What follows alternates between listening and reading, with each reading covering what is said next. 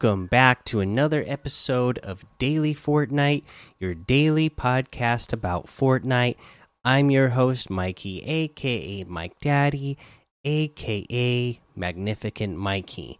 Now, we don't have a lot of big news today, but what we do have is this little teaser and announcement they they made, and it's in the in-game newsfeed as well that says August 17th.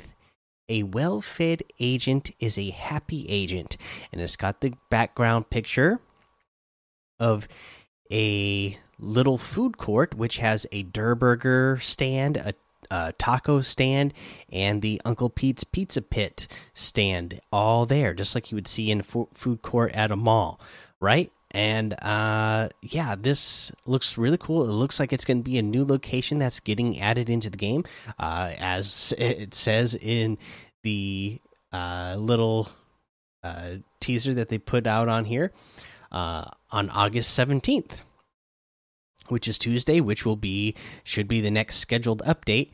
And yeah this looks like a pretty cool location. Now the you don't they don't say exactly where it's going to be uh, but you know, there's a little bit of clues that you have in the background because uh, when you're looking at the picture, okay, in the in the back of the picture, you see the the food stands, uh, and then in the foreground, you could see the the tables and chairs and uh, you know whatnot on the decorations on the ceiling, security camera. On the left hand side of the picture, you can see uh, there's some windows uh, that look outside, and you could see that it's obviously right next to uh, big rocks, and there's some, uh, you know, you know, uh, plants outside that they look a lot like the plants you would see around the stealthy stronghold uh, area. So potentially this could be in stealthy stronghold. You know, the other place I can think of that is like inside of a cave like this that would be already in a location that we have is uh, you know right next to coral uh, coral uh, castle uh, is the the shark right? So potentially right inside there this looks like this could be it's inside of there uh, as well with uh, the rock that you see outside of the window because you don't see any skyline at all. It's just an open window area and you just see the plants and you see like a big rock like it's inside of a cave or right next to uh, the side of a mountain. So really cool. I'm excited to have uh, a new location. Uh, it's always nice to get updated uh, locations or new locations on updates. Uh, again i just think back to the wild days of uh, you know like the the very beginning of chapter one, right? Especially those uh, when things really started ramping up, uh, like season four, season five, uh, in chapter one, like three, four, five. My goodness, every week there was an update, a big update every week, and something changed on the map, and a new weapon guy added in every week. So I always love getting uh, new locations. I know that you know, like the ultra competitive players don't like it when locations get changed in the middle of a season because they're used to uh you know they like they like getting adapted to an area and then being able to know what to expect from that area and uh, exactly how to move around the area. But I love when we get new locations, uh, you know, dropped in the middle of the season and things change up. So uh, really excited to have uh, a, a, new location added in, and it must be something special. I mean, otherwise, why would they? You know, because we get map changes now. You know, like we obviously had Slurpy Swamp uh, being abducted, and it's been changed. Uh, but I'm thinking this must be something a little bit more special than usual. Otherwise, why would they be uh, giving te teasers about it on on their social media and on the in new in the in-game newsfeed here. So we'll we'll just have to wait and see if it's really that big of a change, but uh, exciting nonetheless to get some new locations or some new spiced up uh, areas. Let's see here. Uh, let's go ahead and take a look at what we have uh, in LTM today. Arsenal squads, Team Rumble. uh, Bright City Mafia, Zone Wars Trio 1.0 Custom, a 200 level default Death Run, Red versus Blue Rumble, and Battle Lab. Uh, let's see. Uh, for a challenge tip, uh, the next challenge that we are on for our list, you need to outlast opponents 200 in total and just drop in whatever mode you're playing, whether it's solos, duos, trios, or squads, whatever you're playing in with your friends, and, just play until you rack it up. So that's really all you can do. Uh, no, no uh, real tip on how to get this challenge done other than uh, just survive. Uh, okay, let's see here. Let's go ahead and, and, head on over to the item shop and uh, check out what's in the item shop today. Uh, we have the Cammy and Guile bundle, uh, Ryu and Ch Chun Li bundle. Uh, we still have the Dude outfit for 1,200, the Bow Bros outfit with the bow basket back bling is 1500 and i've always been a big fan of this one as well. Even though i don't use it very often whenever i see it uh, i i am a big fan of it because it has the four selectable styles. This is probably one that i should use uh, more often because i remember when i got it i thought it was like one of the coolest ones and uh, I I haven't used it as much as I should. Uh, but this now that I see it in the item shop again and I'm reminded of it, uh, it's it's probably one I'll, I'll, have to start throwing in the rotation more often. We have the Slumberjack outfit for one thousand two hundred. Uh, the uh, Bhangra Boogie emote for five hundred. The Spectral Axe harvesting tool for eight hundred. The Bubbly Wrap for five hundred. The Face Palm emote for two hundred. Oh, the facepalm emo is pretty funny when you have uh what's this i can't think of this guy's name. Uh demogorgon. My uh, four year old must have been playing on my uh playstation again today. Uh but the facepalm looks pretty funny with the demogorgon character. Uh let's see.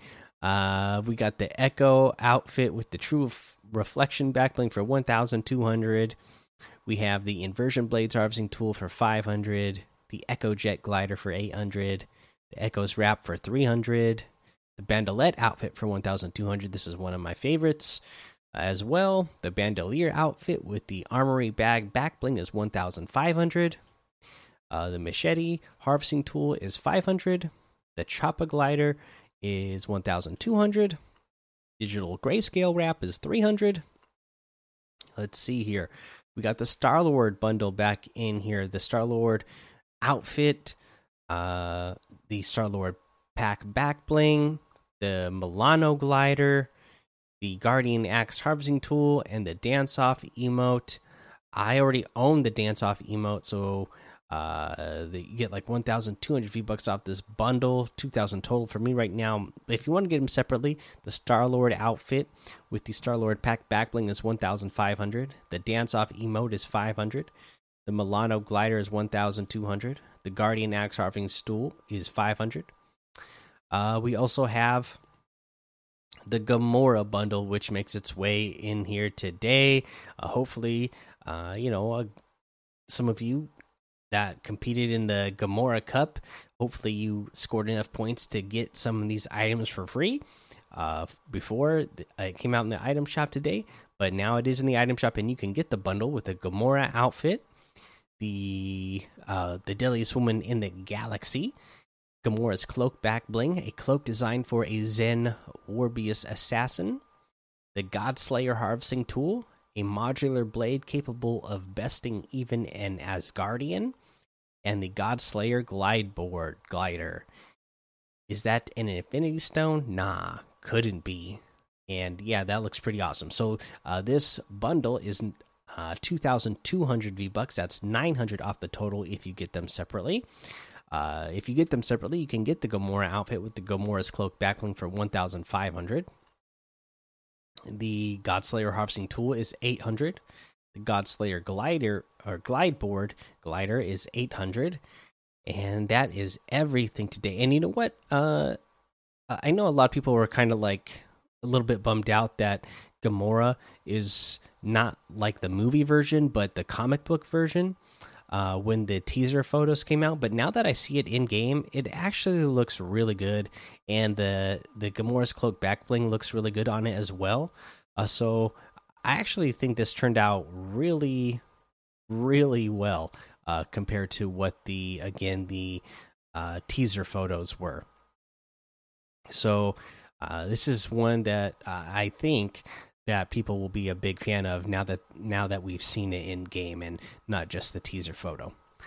Uh, but that is everything in the item shop today. So you can get any and all of these items using code Mikey M M M I K I E in the item shop, and some of the proceeds will go to help support the show.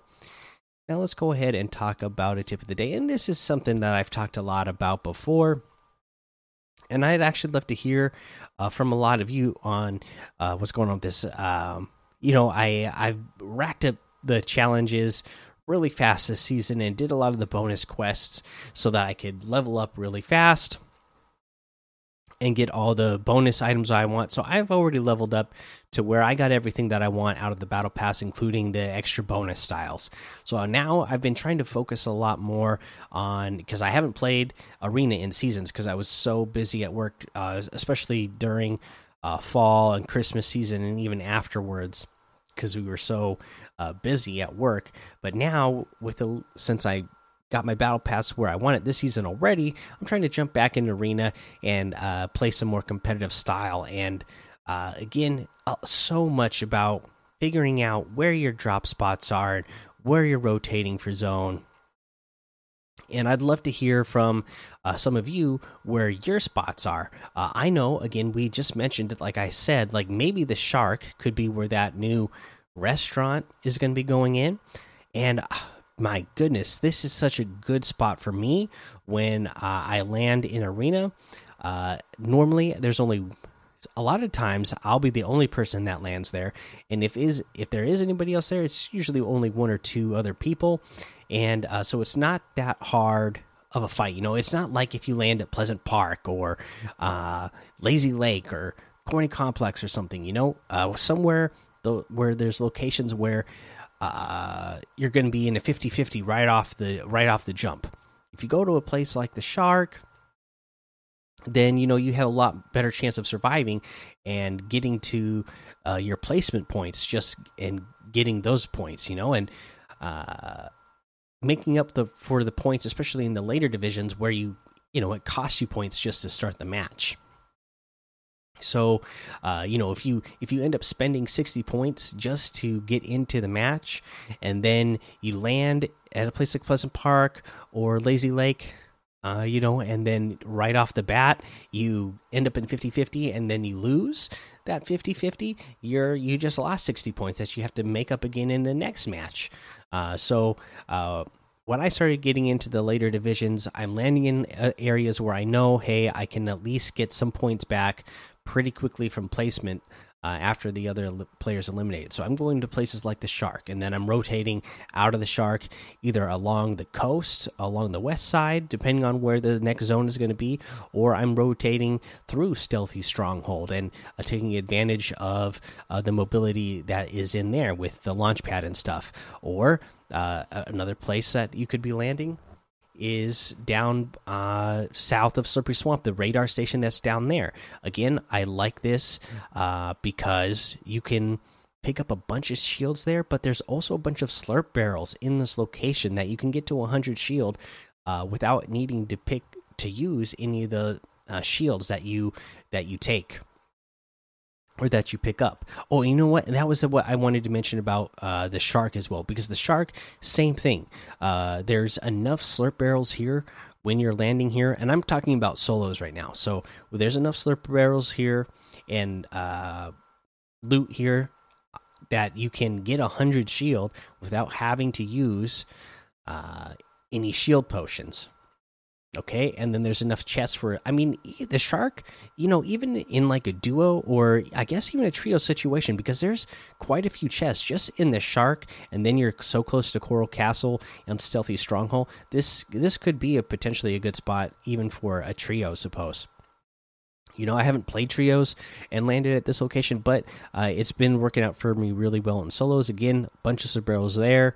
Uh, so th those are my two spots. I'd love to hear some more spots from uh, the rest of you players out there and listeners out there on where are you landing when you play arena this season and uh, what's your rotations uh, being like. Again, uh, I like the shark going to Stealthy Stronghold using that. The radar station that's south of Slurpy Swamp, being able to use the uh, launch pad there to get into Slurpy Swamp, or you know rotating whichever way way I need to rotate. You know, going up the the west side of the coast if I need to love to hear what you guys are doing uh, that way uh, you know hopefully these locations have, are good tips for you but i'd love to hear some tips from you guys so uh, uh as i jump back into arena i can uh, grind to champions uh, faster all right, that's going to be the episode for today. Make sure you go join the daily Fortnite Discord and hang out with us.